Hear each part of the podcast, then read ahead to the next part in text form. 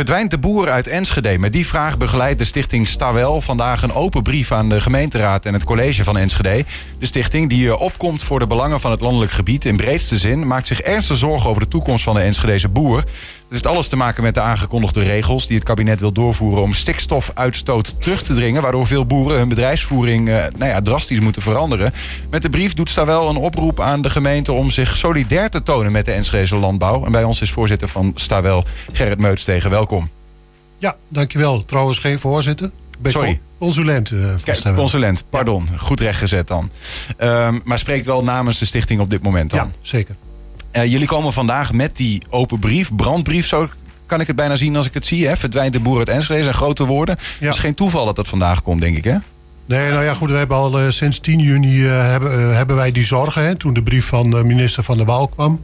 En we hebben toch gemeend om na alle commotie die daarna ontstaan is... om ook ons richting de gemeente te richten. Mm -hmm. Uh, want ja, ons mooie buitengebied is mede, zeg maar, door, dankzij ook dat daar boerenactiviteiten zijn... Is, is ons mooie buitengebied zoals het is nu. Ja, ja en ja, jullie komen op voor de be belangen van het buitengebied... zeg ik al in de, in de breedste zin. Dus niet per se alleen voor de agrarische sector? Nee, we zijn geen agrarische belangen vertegenwoordigen. Dat is LTO. Maar wij vinden wel dat er een vitaal en veerkrachtig landelijk gebied blijft. Mm -hmm. En daar horen boeren bij in, in onze mening. Ja, nou ja, we hebben wat beelden op de achtergrond die we zien van het protest gisteren hè, in Stroe. Uh, 20, 30.000 boeren die daar naartoe gingen. Maar goed, ja. die, die, zitten ook in, in de omgeving van, van Enschede. Dus er gebeurt wel wat. Er is veel onrust. Ja. Um, misschien is het goed om even uh, te verkennen wat het probleem is. En ook eens in te zoomen op wat, op wat de oplossing volgens het kabinet nu uh, nou ja, voor invloed heeft op Enschede specifiek. Ja. Nou, daar hebben jullie wat dingen voor op een rij gezet. Maar moeten we eerst even naar het probleem. Want ik denk dat er ook veel mensen zijn die, die ja, er nog niet zo helemaal van op de hoogte zijn. We hebben te maken met uitstoot van stikstof. Ja. Um, wat is daar het probleem van? Nou, het probleem van de uitstoot van stikstof, uh, uh, volgens de geleerden, is dat die stikstof in een bepaalde verbinding, hè, het is niet de zuivere stikstof, maar de stikstof in ammoniakvorm, dat die neerslaat in natuurgebieden. En als we dan uh, de geleerden mogen geloven, de kennis van natuur, dan heeft dat gevolgen voor de kwaliteit van natuur. Mm -hmm.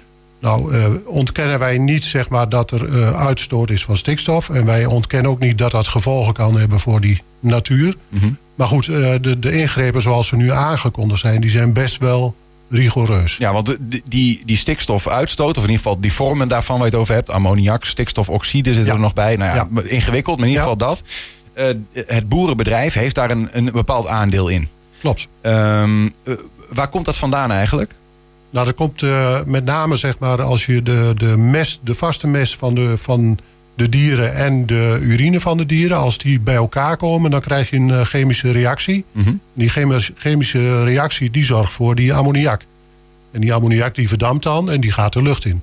Dus dat, dat is een, een natuurlijk proces wat al zeg maar sinds eeuwen plaatsvindt als dat gebeurt. Ja. Dus dat is niet, niks nieuws, maar ja. dat is een uh, fenomeen wat we kennen. We zijn erachter gekomen dat, die, dat als het dus weer neerdaalt in natuurgebieden... dat dat ontwikkeling heeft. Ik geloof dat het bijvoorbeeld de, de groei van bramen... en andere soorten gestruiken weer in de, in de hand werkt... waardoor die gaan overwoekeren. En andere plantjes geen kans krijgen... en daardoor bepaalde insecten weer niet... Nou, en het, zou het, is, het is een samenhang, een samenhang van factoren inderdaad...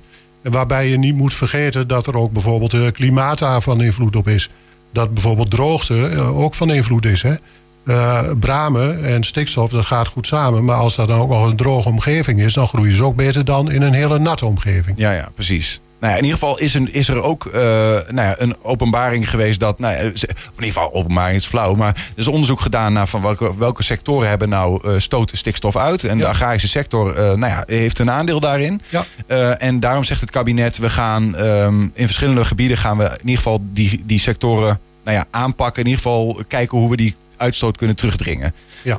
Um, wat, wat wil het kabinet precies gaan doen? Want we hebben een soort van. We hebben ook een stikstofkaart van Nederland die we te zien hebben gekregen. Ja, de, de zogenaamde kleurplaat, hè? Ja, dus de, de zogenaamde de kleurplaat. Wat, wat is precies. Wat, is, wat, wat willen ze?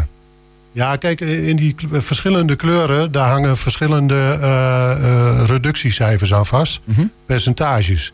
Als je dan inzoomt naar Enschede, dan zie je de, de natuurgebieden. Hè, de Aamsveen is zo'n Natura 2000 gebied, het Lonnekemeer.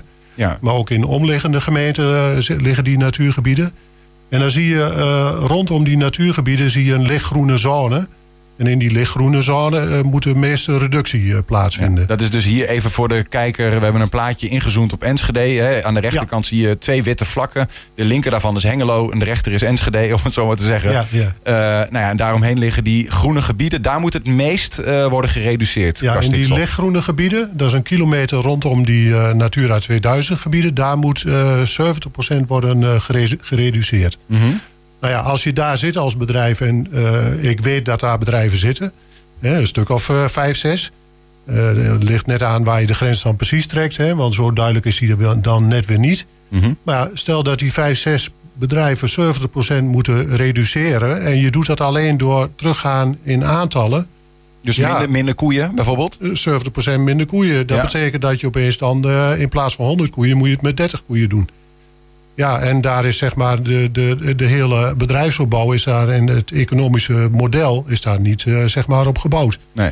Dus dat kan niet. En dus per, per, wanneer zouden ze dat dan uh, moeten doen? Die uh, zeg nou maar zogeheten veestapel terugdringen? Kijk, dat is ook een, waar iedereen ook over valt. Het is een redelijk onduidelijk verhaal. Dit kaartje, dit, dat is naar buiten gekomen. Alleen, er zit dan een tijdspad aan vast. Maar wanneer je dan zeg maar echt moet reduceren... daar is nu nog niks van bekend. Uh, dus eigenlijk zeggen we van ja, um, als dat de komende tien jaar gaat gebeuren, laten we dan niet met kaartjes gaan werken, maar laten we gaan werken met bedrijven die um, op een innovatieve manier die stikstofuitstoot gaan terugdringen. Ja. Want het, het gaat nu eigenlijk te veel, uh, zoals jullie ook schrijven, met de bottebel. Hè? Het is zo van, uh, nou ja, ja als, je, als je dit volgt hè, en je zegt van nou, in dit gebied 70% minder dan betekent dat gewoon dat die bedrijven geen toekomst hebben. Als dat ook nog op een eh, redelijk snelle manier moet. Hoe kan het dan eigenlijk? Want uh, um, uh, ja, je hebt er vast een, een, beeld bij. Hoe kan het dat het kabinet dat zo dan aankondigt? Terwijl dat, als je dan naar het boerenbedrijf vraagt, zeg je, is helemaal niet realistisch. Het is, dan, dan gaan we gewoon kapot. Ja, nou, ik denk ook dat ze, zeg maar, ehm, dit een eerste zet is. Hè? Ehm, en je kunt beter hoog inzetten, denk ik dan, dat het kabinet gedacht heeft. En vervolgens, uh, ja, je ziet nu al dat provincies, hè, die trappen al op de rem. Provincie Overijssel heeft gezegd, ja, we gaan stikstof aanpakken. Mm -hmm. Maar wel op onze manier en ons tempo. Ja. Dus ja, dat, dat uh, geeft wel aan dat ook het geluid daar alweer anders is dan bij de Rijksoverheid. Ja. Dus ik, ik denk ook dat de daar... soep wordt heter opgediend dan die gegeten wordt. Ja, en, en het is natuurlijk ook wel zo dat... Men wist dat het eraan zou, zat te komen. Mm -hmm. Men wist ook dat er zeg maar reductie moest komen. Maar dit is natuurlijk wel uh, redelijk extreem met deze percentages. Ja, even nog terug naar dat kaartje. Hè? Want uh, je noemde net hè, die Natura 2000 gebieden. Die we hier in groen gekleurd uh, zien. Dat zijn de, die hebben we zo van in Nederland verheven tot beschermd natuurgebied. Ja, klopt. Vandaar die, dat je daar echt nou ja, heel zelfs, veel moet reduceren als je daar zit. Ja, zelfs Europees aangemeld. Hè? Dus je kunt er ook niet zomaar 1, 2, 3 vanaf. Nee. Nee, dan, dan hebben we het in, in Enschede over het Amersveen bijvoorbeeld, denk ik. Um, Amersveen en net buiten de, de grens zit dan het Witteveen. En dan zit het uh, Buurse Zand, Haaksbergenveen. Ja. Maar goed, die, die, um, je ziet bijvoorbeeld, uh, als je kijkt naar het Rutbeek... Hè, uh, daar ligt ook een lichtgroene grens heel dichtbij. Mm en dat komt vanuit een, een, natuurgebied in Haaksbergen. Dus ook ja. natuurgebieden over de grens over de gemeentegrens, die hebben invloed op het Enschedeze gebied. Ja, is, is er, want dat is dan de, op die plekken moet het meest gereduceerd worden. Maar je hebt ook nog weer cirkels daaromheen, toch? Waar ja. ook wel wat, maar iets minder gereduceerd wordt. Hoe zit dat precies? Op dit kaartje heb je zeg maar de, de paarse gebieden. Hè? Dat noemen ze dan in de, de kaarten de transitiegebieden. Ja, in die transitiegebieden moet 47% uh, eh, gereduceerd worden. Ja. Daar zou je bijna zeggen, nou ja, om en om moet er een boer stoppen. Oké, okay. de, de, helft van de boeren in dat gebied. Ja, eh, in dat gebied zou dan de helft moeten stoppen. Want dan met, met hetzelfde aantal veer dan. Hè, als je hmm. hetzelfde aantal veer zou willen houden... Ja. dan moet er om en om moet er één weg. Ja. De, de, ja, en als ik dan even probeer gewoon heel eh, door de bank genomen rekensom... dan zou met deze aangekondigde plannen zo'n driekwart van de Enschedeze boerenbedrijven gewoon... Uh... Ja, de helft tot driekwart. Ja. ja.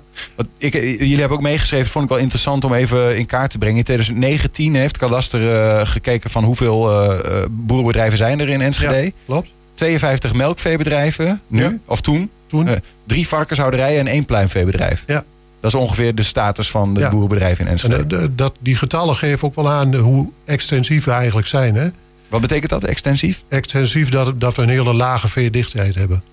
Want we hebben hier in Enschede melkveebedrijven, die zijn grondgebonden. Dus die uh, zorgen ervoor dat ze uh, hun uh, meststoffen ook af kunnen zetten, hun dierlijke meststoffen af kunnen zetten op eigen grond. Mm -hmm. um, en we hebben dus maar drie intensieve bedrijven. En dat zijn dan die varkenshouderijen en pluimveebedrijven die mest af moeten voeren naar elders. Ja, ja, precies.